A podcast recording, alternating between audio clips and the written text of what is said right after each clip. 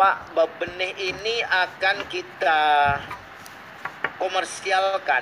Misalnya nih produsen benihnya di Jawa Barat. Ya, ya. Kemudian akan dikomersialkan di daerah pesisir pantai utara Jawa.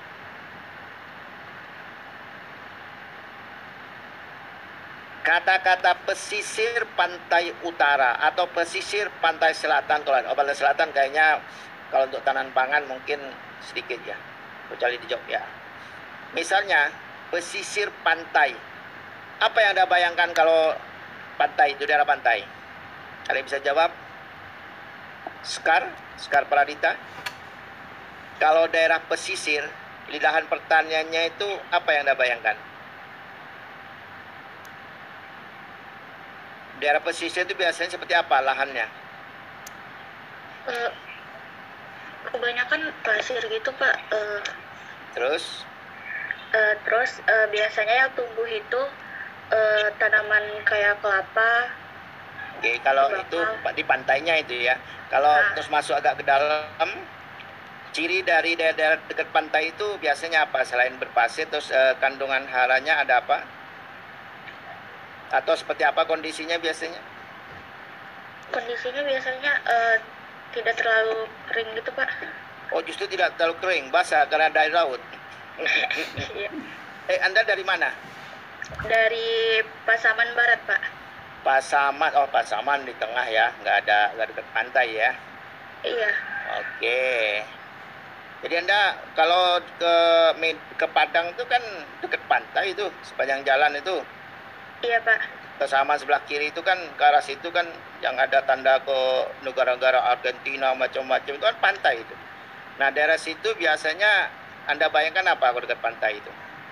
Oke dari suhu misalnya. Suhunya biasanya sejuk gitu Pak. Sejuk kalau dekat pantai, daerah pantai ya, dibanding di Pasaman. Iya soalnya anginnya kan lebih kuat gitu Pak. Anda pernah ke pantai nggak? Daerah pantai nggak? Pernah Pak memang lebih sejuk gitu ya. Lebih sejuk dibanding puncak Bogor ya. Nggak pernah ke Bogor pak. Oh nggak belum pernah ya. Di Pasaman yang daerah eh daerah yang tinggi itu? Di Singapura arah bukit tinggi. Arah bukit tinggi ya. Kalau secara ini topografi semakin tinggi tempat semakin apa? Sekarang Semakin uh, dingin pak. Semakin dingin. Kunci itu ya, gang ya. Iya pak. Asumsi tanpa ada pengaruh ya. Kalau semakin rendah tapi pakai AC ya makin dingin ya asumsi. Kalau di pantai itu ketinggiannya berapa itu? Berapa meter DPL dari dari, dari permukaan laut? Duh. Rendah apa tinggi? Rendah pak. Rendah. Sehingga secara alami tadi daerahnya apa? Panas panas, jangan sejuk ya. Sehingga daerah-daerah pantai itu biasanya panas. Kemudian asumsi ya, jangan tidak ada tidak ada uh, utak-atik manusia ya. Kemudian lahan-lahannya biasanya relatif kering, berpasir kan, ya kering. Ya. Sehingga kalau kita menghasilkan benih dan akan dipasarkan di daerah situ, maka lahannya itu cukup kering. Saya tidak cukup dengan daya berkecambah, saya tidak cukup daya berkecambah. Saya ingin menguji suatu puji yang uh, menggambarkan kira-kira benih nanti kalau di daerah pesisir tadi yang yang kering itu atau yang mengandung garam tinggi itu seperti apa. Nah, itu bisa minta diuji. Nah, kalau itu kemampuan benih tumbuh untuk daerah pesisir yang bergaram tinggi atau yang kering atau yang berpasir itu yang kita sebut dengan pengujian khusus. Jadi pengujian benih itu ada dua, pengujian rutin, standar, wajib atau pengujian yang diminta, yaitu pengujian khusus. Oke ya. Nah, itu itu prinsip yang Anda harus kuasai. Oke, baik. Nah, sekarang kita coba uh, nah ini label. Ya. Jadi tiga komponen tadi daya berkecambah, kemurnian dan kadar air ini masuk dalam label kuning, putih, ungu, biru. Ya ini yang terakhir anggaplah biru ya. Untuk inbrida ya. Kalau hibrida langsung hanya satu label yaitu biru. Jadi kelas benih sebar. Kalau hibrida, kalau hibrida ada empat. Oke, baik. Nah, di sini dalam pengujian itu dalam konteks pengujian ini kita fokus kepada pengujian viabilitas yang dalam hal ini lebih mengarah kepada uh, fisiologis ya. Jadi di sini ada kita kan dari tiga itu ada kadar air, ada kemurnian, ada daya berkecambah. Nah, daya berkecambah inilah yang akan kita fokuskan pada sesi ini. Di mana di daya berkecambah ini mengapa difokuskan karena pengujian standar secara internasional yang diminta oleh pasar itu berkaitan dengan pengujian daya berkecambah. Kenapa? Karena daya berkecambah itu ya dari pengujiannya itu akan menggambarkan kemampuan tumbuh benih itu ya. Kemampuan tumbuh benih. Langsung dengan melihat gejala pertumbuhannya. Anda telah belajar kemarin eh, daya berkecambah. Kemudian sehingga pada kesempatan ini saya hanya poin-poinnya saja. Di praktikum sudah ya. Jadi daya berkecambah itu menjadi acuan pengujian. Praktikum belum oh belum ya baru minggu depan oh minggu depan oh, baik jadi di sini kalau kita merefer kepada ista, ini kepada ista ya. Ini ada istilah uji viabilitas benih. Di mana di ista ya, kalau viabilitas benih itu itu secara harfiah itu diartikan sebagai daya hidup benih. Daya hidup benih atau kemampuan hidup benih. Saya hanya mengatakan bahwa benih yang akan kita hasilkan itu hanya bukan hanya benih yang sekedar hidup tapi harus memiliki daya atau kemampuan. Nah, ini menunjukkan mutu. Saya berulang-ulang. Kita akan memproduksi benih tapi bukan hanya sekedar benih yang hidup. Sama dengan Anda, ini saya ulang-ulang. Anda juga di dunia itu tidak hanya sekedar hidup atau tidak mati kalau sekedar hidup, nggak usah, nggak usah sekolah, nggak usah mandi, nggak usah hidup aja, ya. Tapi Anda dituntut harus berkemampuan hidup, yaitu memiliki daya hidup, ya. Apa artinya? Hidup kita itu harus berkualitas. Jadi benih juga sama. Benih yang akan kita produk itu adalah benih yang berkemampuan hidup. Jadi bukan hanya sekedar hidup yang tidak mati, bukan itu, tapi hidup yang berkemampuan hidup. Nah, itu viabilitas. Tetapi di ISTA, viabilitas itu diartikan sebagai kemampuan hidup benih atau kemampuan benih itu berkecambah dan menghasilkan kecambah normal dalam jangka waktu tertentu pada kondisi yang optimum. Sorry, sorry. Uh, kondisi optimumnya itu uh, mungkin tambahan dari saya, ya. Jadi maksudnya begini, viabilitas benih itu di dalam istilah kalau kita baca itu lebih mengarah kepada kemampuan hidup dari benih ya untuk kemampuan benih untuk berkecambah kemampuan benih untuk berkecambah dan menghasilkan kecambah normal dalam jangka waktu tertentu sesuai dengan ketentuan nah ini dalam pengertiannya ketentuannya itu adalah pada kondisi optimum sehingga viabilitas benih itu itu lebih banyak akan diuji dengan menggunakan daya berkecambah. Saya ulangi, ini supaya supaya clear ya. Viabilitas benih itu artinya adalah daya hidup benih. Tetapi di ISTA, daya hidup benih ini akan diuji dengan kemampuan benih itu untuk berkecambah, menghasilkan kecambah normal dalam jangka waktu tertentu sesuai dengan ketentuan. Nah, ketentuannya itu pada kondisi op optimum sehingga viabilitas benih itu uji viabilitas benih itu atau viab, kemampuan hidup benih itu diuji dengan uji daya berkecambah gitu ya kan kondisi optimum itu dia berkecambah sedangkan Pak Sajat nanti Anda bisa lihat Kuatan viabilitas itu kemampuan hidup benih itu agak sedikit berbeda. Ya.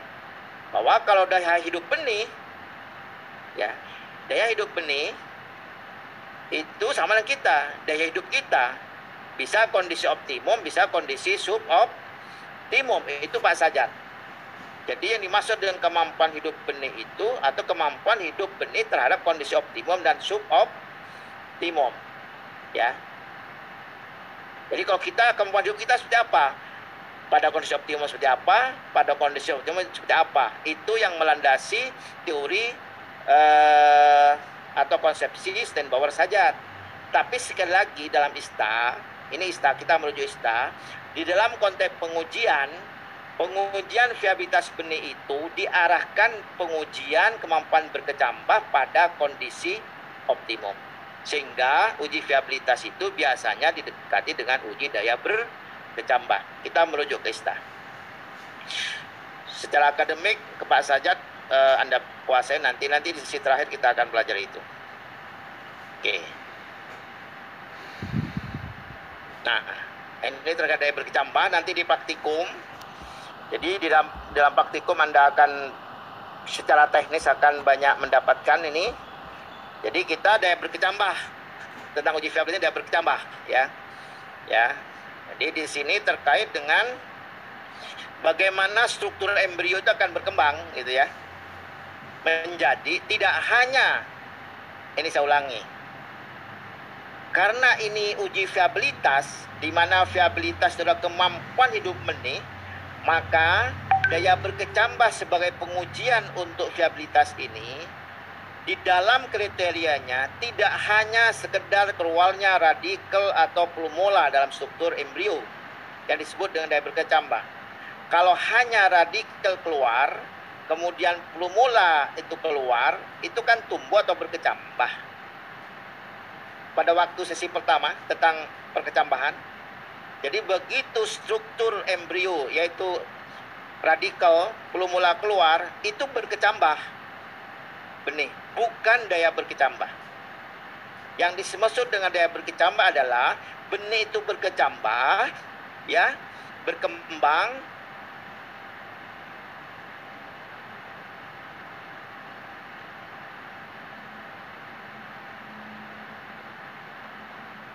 bisa diperoleh kalau kecambahnya itu normal. Sehingga daya berkecambah itu benih itu berkecambah sampai pada ukuran tertentu yang kita sebut kecambah itu normal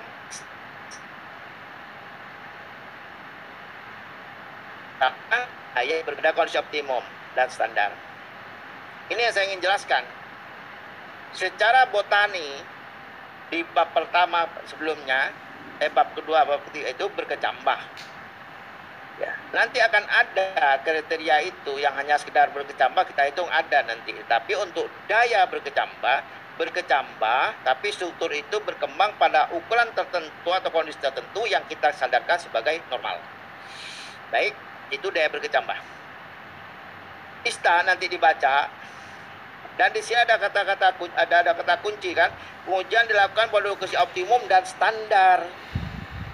Nah, ISTA mengatur yang standar itu apa saja. Nah, ini saya tidak akan jelaskan, ya. Gimana Anda baca nanti, ya. Medianya harus standar, ya. Apa saja syaratnya? Ini banyak. Jadi di dalam ISTA itu media itu tidak harus kertas. Tidak.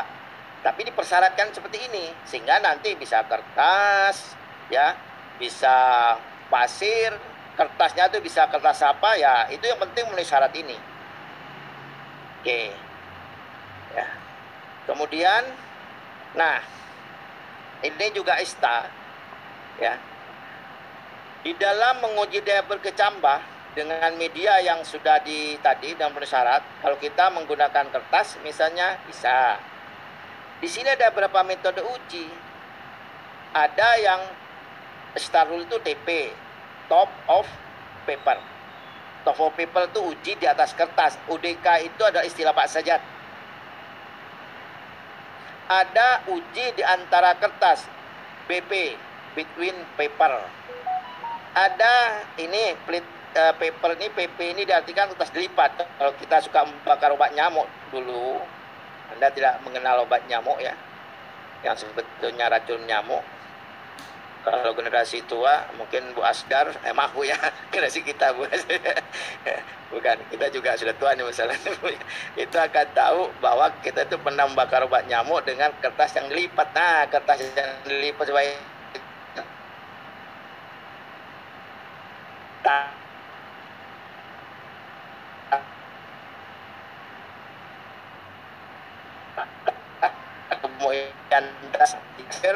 ini ista kita akan menggunakan uji pakai kertas ya pakai kertas. Nanti akan jadi praktikum kertas apa saja. Bisa between paper bisa uh, top of paper. Nah ini ini ista.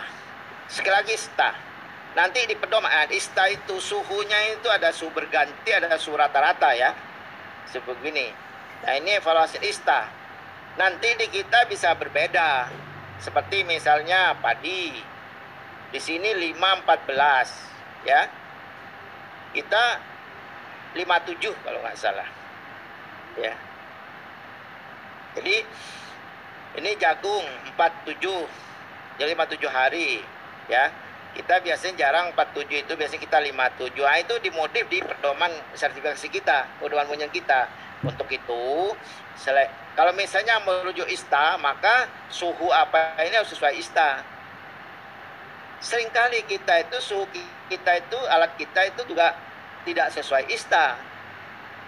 Ista itu uh, jermi, uh, alatnya terstandar.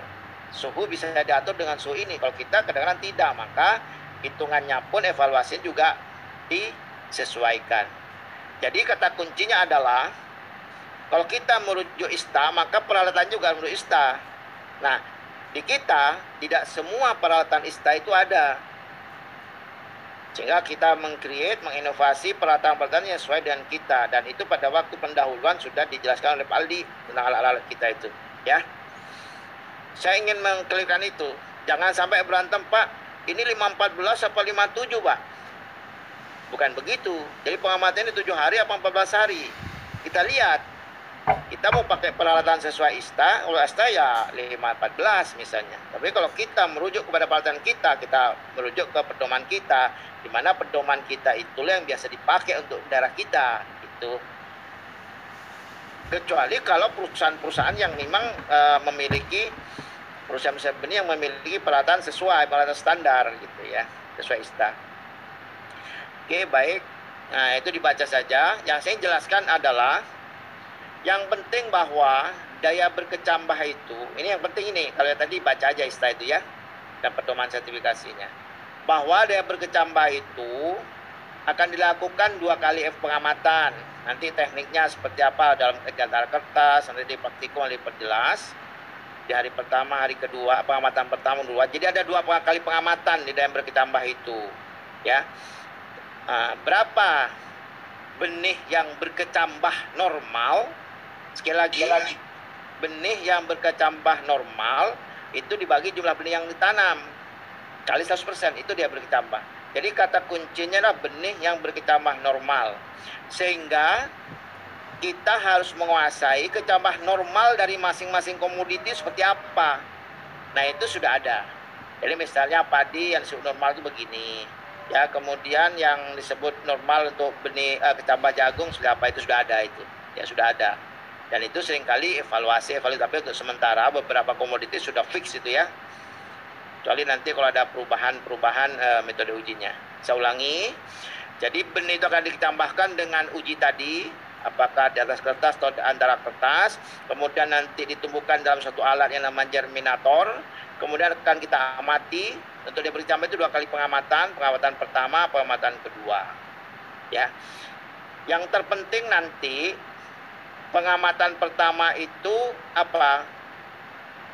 Karena di dalam pengujian daya berkecambah itu adalah kondisi optimum, maka selama pengujian kondisinya itu harus optimum untuk perkecambahan. Anda masih ingat materi perkecambahan? Yang terpenting kondisi eksternal yang terpenting apa? Air, dalam hal ini kelembaban, kemudian apa? Oksigen, kemudian oksigen udara ya. Kemudian di samping itu apa? Cahaya. Itu kan yang terpenting kan? Jadi yang terpenting air. Air kelembaban, cahaya, kemudian ada uh, udara, aerasinya. Itu optimum. Artinya selama kita misalnya kalau kita pakai tujuh hari, selama tujuh hari itu media itu harus optimum sehingga kita bagi pengamatannya. Jadi nanti ada istilah KDDP nanti di ini ya. Yang penting di antara di antara kertas itu yang kita pakai ya apa itu pakai plastik didirikan atau berapa itu nanti diperjelas. Tapi kalau kita uji di antar kertas, benih itu ditanam kemudian biasanya digulung ya digulung kalau di antara kertas itu kalau UDK top of paper itu tidak digulung di atas kertas saja di suatu petridis ya yang terpenting saya katakan menjaga kondisi optimum itu kata kunci dalam uji daya berkecambah Bagaimana menjaganya? Paling tidak kita akan melakukan uh, kontrol terhadap media itu uh, dua kali. Ya, pengamatan dua kali. Yang pertama, ya, kita amati misalnya kalau untuk ini kasus padi di sini yang pedoman 57, maka yang pertama hari kelima kita buka media itu. Kita buka optimasi. Jadi kata kunci optimasi kita lihat kalau ada cendawan kita bersihkan, kalau itu kering kita kasih air lagi ya. Nah, pada saat itu kita juga optimasi terhadap apa? Terhadap benih yang sudah berkecambah normal. Bagaimana optimasinya? Kalau jamur ada jamur kita buang. Kalau ada di situ busuk buang. Kalau ada e, benih yang berkecambah normal itu juga harus dibuang dalam rangka opti optimasi. Ya, dalam rangka optimasi. Mengapa harus dibuang juga? Karena kalau benih yang bercambah normal itu kita biarkan, itu akan menjadi apa? Menjadi pesaing terhadap benih yang lain menjadi tidak normal itu. Tetapi yang normal itu sebelum dibuang dihitung. Berapa yang normal? Karena itu akan menjadi kriteria uji daya berkecambah yang akan kita jadikan pengujian. Jadi yang pertama itu kita hitung yang sebelum dibuang yang kecambah normal. Kemudian baru hari pengamatan kedua kalau pakai tujuh hari atau hari ketujuh ya. Itu kita lihat berapa yang normal. Nah, itu digabung dengan yang pertama, itulah kita bagi dengan jumlah benih yang kita tanam kali 100% itu namanya daya berkecambah. Tetapi di hari terakhir kita hitung benih yang mati berapa. Yang jelas mati itu yang busuk macam-macam atau benih yang tetap segar tapi tidak tumbuh. Itu juga kita hitung. Kemudian benih yang e, berkecambah tapi tidak termasuk normal normal itu juga dihitung tapi yang kita fokuskan adalah yang normal. Itu dia berkecambah. Baik. Itu kira-kira nanti akan kita berdalam teknisnya di praktikum kemudian ya ada satu uji lagi ya. Kalau daya berkecambah itu yang kita amati gejala pertumbuhan dari embrio kan? Sehingga kita sebut dengan indikasi langsung. Jadi indikasi pertumbuhan seperti apa kita amati? Jadi dia berkecambah dengan melihat kecambah. Kecambah itu kan berarti kita lihat e, bagaimana embrio itu berkecambah melakukan pertumbuhan kan? Ya. Nah di situ kita sebut indikasi langsung. Bisa juga kita tidak melihat perkecambahannya. Tidak melihat perkecambahannya bahwa benih itu bisa berkecambah atau tidak bisa uh, tumbuh normal atau tidak itu dengan tidak langsung. Salah satunya adalah kita lihat proses respirasi.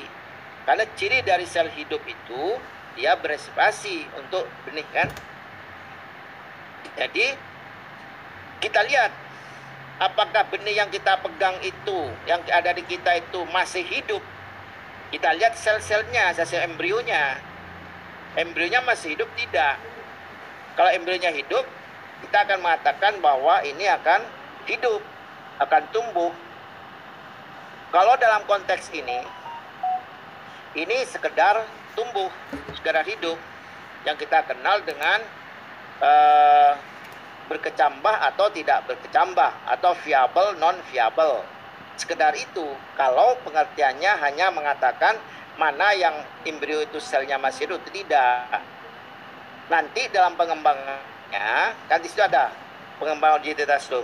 Dalam pengembangannya dengan kriteria yang hidupnya itu diperketat, maka uji TZ ini bisa untuk daya berkecambah yang ujung-ujungnya juga bisa untuk spesifik tertentu. Pengujian khusus. Pengujian khusus itu yang dengan kondisi yang tadi yang NaCl pasir daerah pasir nanti itu sering kita sebut dengan kan daerah kering daerah pasir ya. Kemudian NaCl garam itu kan kondisi-kondisi yang kurang optimum. Tadi saya belum menjelaskan kurang optimum kan bagi pertumbuhan bagi perkecambahan kan? Nah kondisi yang kurang optimum kemudian benih kita tambahkan di situ dia mampu hidup seperti apa? Itu namanya vigor. Jadi selain uji viabilitas dan berkecambah juga ada uji kita lihat benih itu kalau ditanam eh, pada kondisi yang kurang optimum itu namanya vigor. Sehingga saya sering kalikan kepada anda boleh kondisi kita tidak optimum. Pandemi ya ngantuk. Benar enggak lapar. Itu kurang optimum kan? Tetapi kita lihat bagaimana kemampuan hidup kita terhadap kondisi tidak optimum itu seperti apa. Nah dalam istilah benih itu kita sebut dengan vigor kalau kita punya vigor yang tinggi maka kondisi yang tidak optimum seperti apa pun kita bisa mengatasi sama dengan benih. Benih kalau figurnya bagus, figurnya apa? Figur terhadap kekeringan. Dalam kondisi kering dia bisa tumbuh, berarti dia figurnya tinggi. Sehingga ciri dari mahasiswa benih yang akan kita jadikan ciri khasnya adalah mahasiswa benih harus berfigur. Berkemampuan hidup pada kondisi yang kurang optimum atau yang tidak optimum.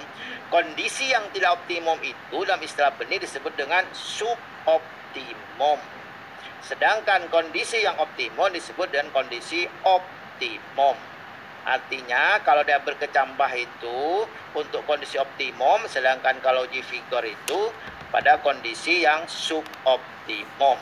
Nah, TZ dalam pengertian dasar viable dan non viable itu dalam pengertian viabilitas. Tetapi dalam perkembangannya, nanti ada kata perkembangannya. Dalam pengembangannya ISTA TZ ini dengan pola tertentu itu dijadikan uji vigor. Nanti dibaca, ya. Baik, jadi bagaimana menentukan bahwa sel embrio itu hidup atau mati? Saya ulangi lagi. Kalau dengan dia berkecambah disebut hidup itu kalau dia radikal keluar, ya kan? Klumula keluar, ya, tumbuh itu hidup berkecambah.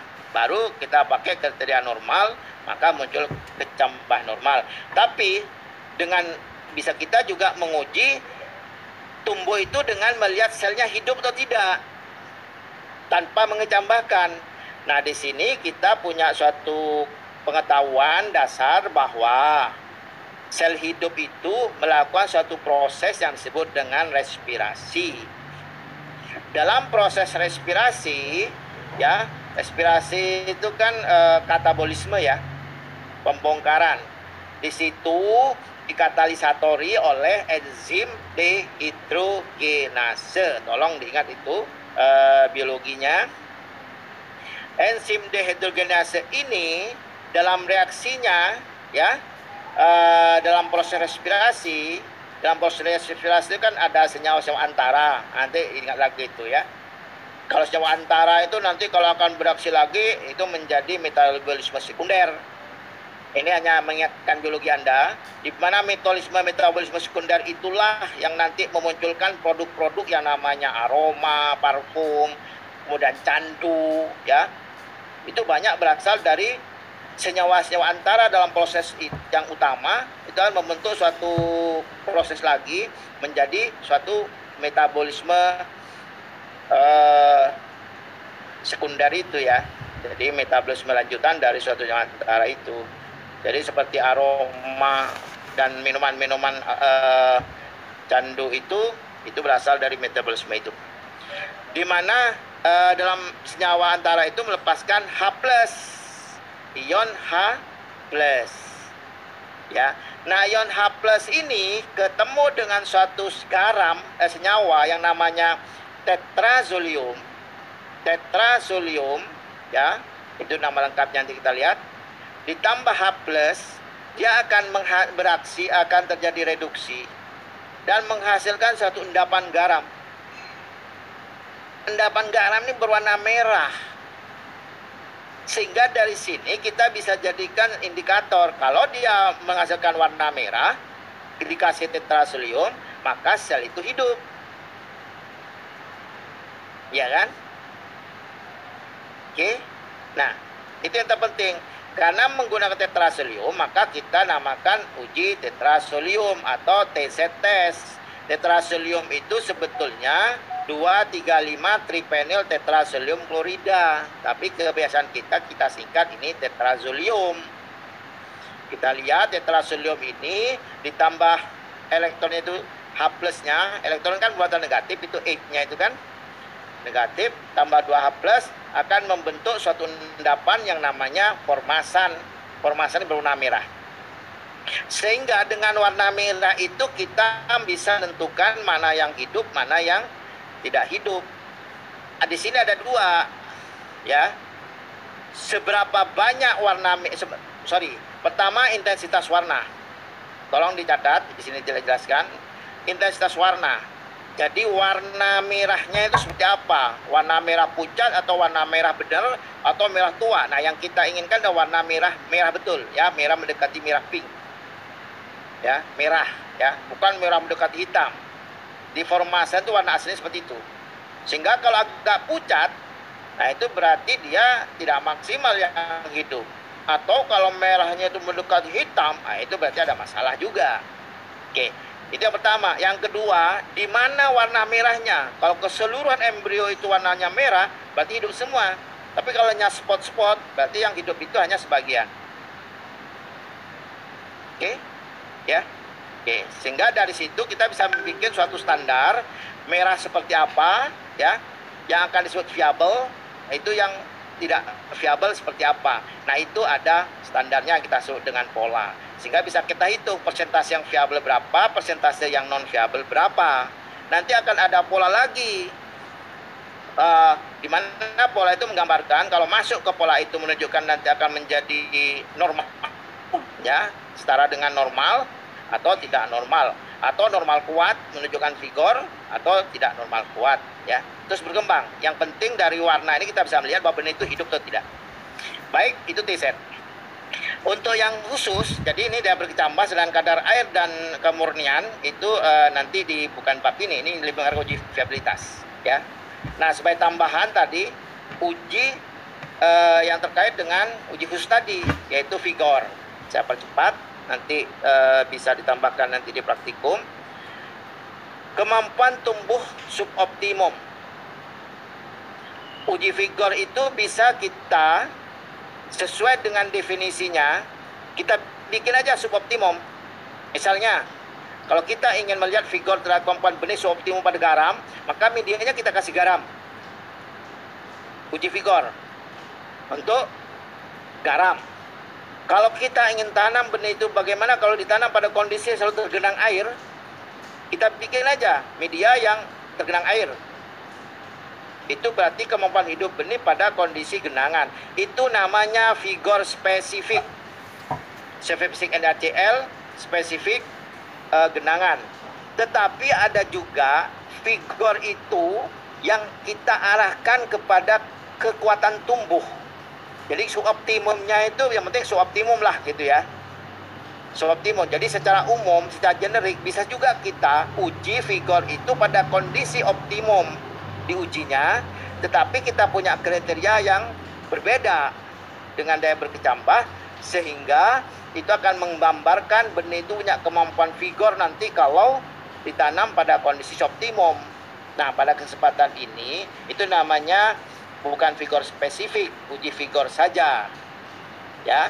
Di sini kita lihat ya vigor terhadap kekuatan tumbuh. Jadi dia pada kondisi optimum dia akan mampu tumbuh secara kuat. Apa yang akan kita uji? Yang kita uji adalah kecepatan tumbuhnya. Nah, ini terpenting, kecepatan tumbuh. Di mana benih yang cepat tumbuh, dia akan mampu mengatasi kondisi optimum. Itu kata kuncinya. Jadi kalau Anda hujan supaya tidak terpapar hujan yang lebih banyak, maka siapa yang cepat larinya kan? Sama dengan benih pada kondisi suboptimum, kalau benih itu cepat tumbuhnya, maka dia kena paparan, kena terpapar kondisi optimum itu lebih, lebih sebentar. Itu sehingga kecepatan tumbuh benih itu menjadi satu kriteria, satu uji untuk menggambarkan uji vigor tepatnya adalah vigor kekuatan tumbuh. Dia kuat tumbuhnya pada kondisi suboptimum. Bagaimana caranya? Kita amati tiap hari. Tapi bukan hari satuannya, satuannya adalah jam. Saya ulangi, kita amati tiap hari yang namanya kecepatan itu kan jarak per waktu. Saya ulangi, yang namanya kecepatan itu kan jarak per waktu, benar kan? maka kecepatan tumbuh benih jaraknya itu adalah diidentifikasi dengan kecambah normalnya berapa. Saya ulangi. Jaraknya tadi yang di atas itu pembilangnya itu adalah jumlah benih yang berkecambah normal berapa dibagi waktu. Waktunya itu adalah uh, jam. Pengamatannya hari tapi menjadi jam. Ya, dan jam terhadap hari ini ini kita munculkan istilah etmal. Jadi kalau sehari 24 jam kita mengamati memang pas 24 jam. Jadi tanam sekarang 24 jam besok kita amati berarti waktunya 24 jam kita konversi ke hari 24 jam itu berarti 24 jam per 24 jam itu kita sebut dengan satu etmal. Oke. Okay? satu ekmal. Tetapi kalau misalnya besok kita hanya pengamatannya kalau hari ini tanam jam 8, besok pengamatannya jam 6, kan itu kan berarti hanya 22 jam. Berarti waktunya itu adalah 22 jam per 24 jam, berarti 0,8 sekian etmal. Oke. Waktunya. Waktunya etmal ekmal itu adalah jam terhadap koleksi terhadap hari, jam dalam hari.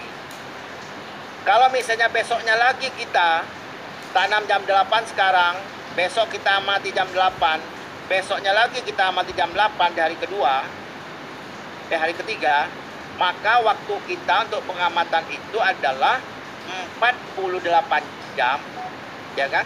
Dibagi hari, hari itu kan 24 jam.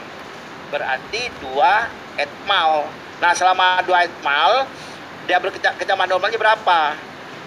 Oke, jadi hari pertama kecambah normalnya berapa? Etmal.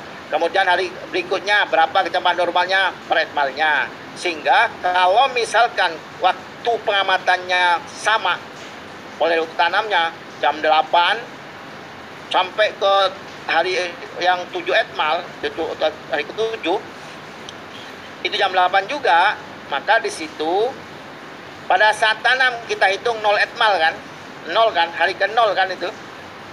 Saya ulangi. Jadi kalau kita tanam itu nol kan hari ke nol besoknya baru hari ke satu jadi 24 jam kan. Itu berarti satu etmal. Sampai yang ketujuh kalau waktunya sama berarti tujuh etmal.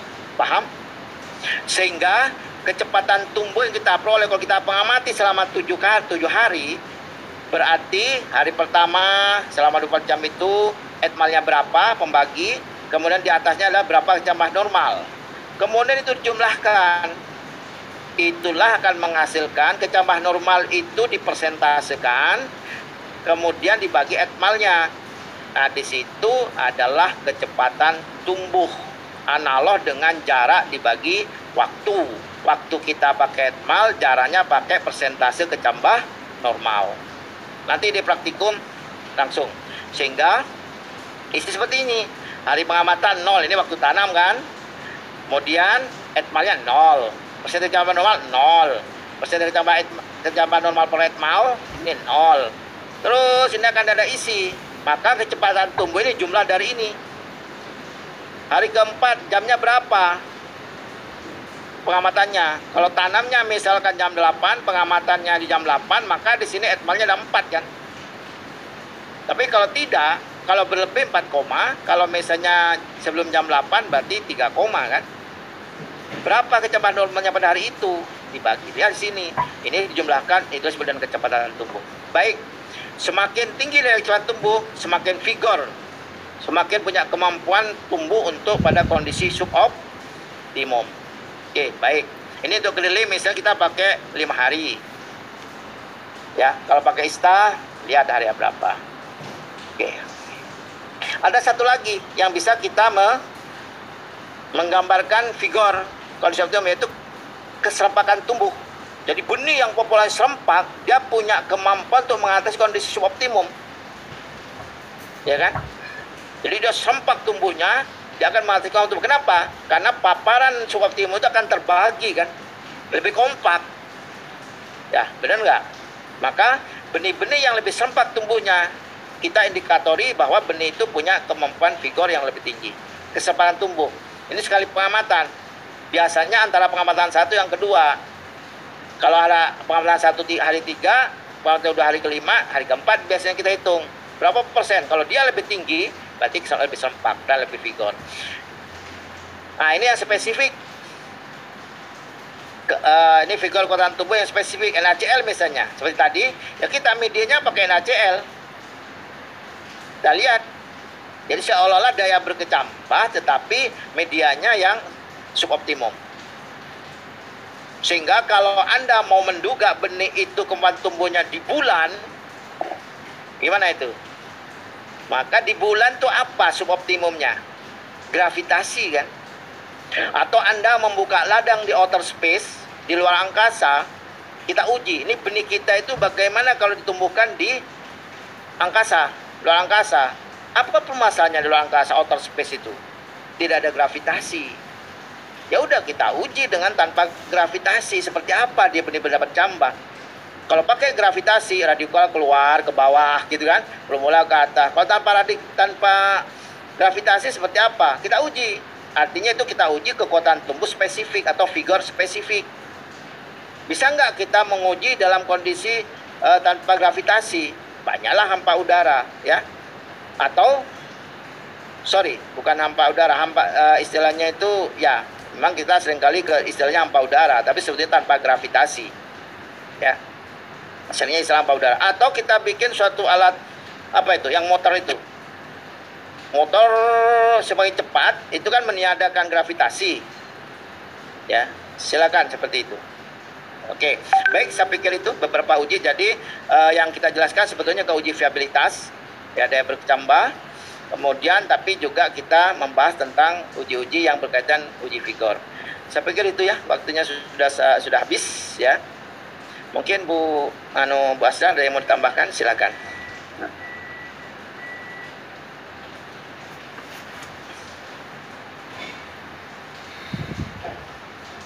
Kalau Bu Asdar mau menambahkan silakan.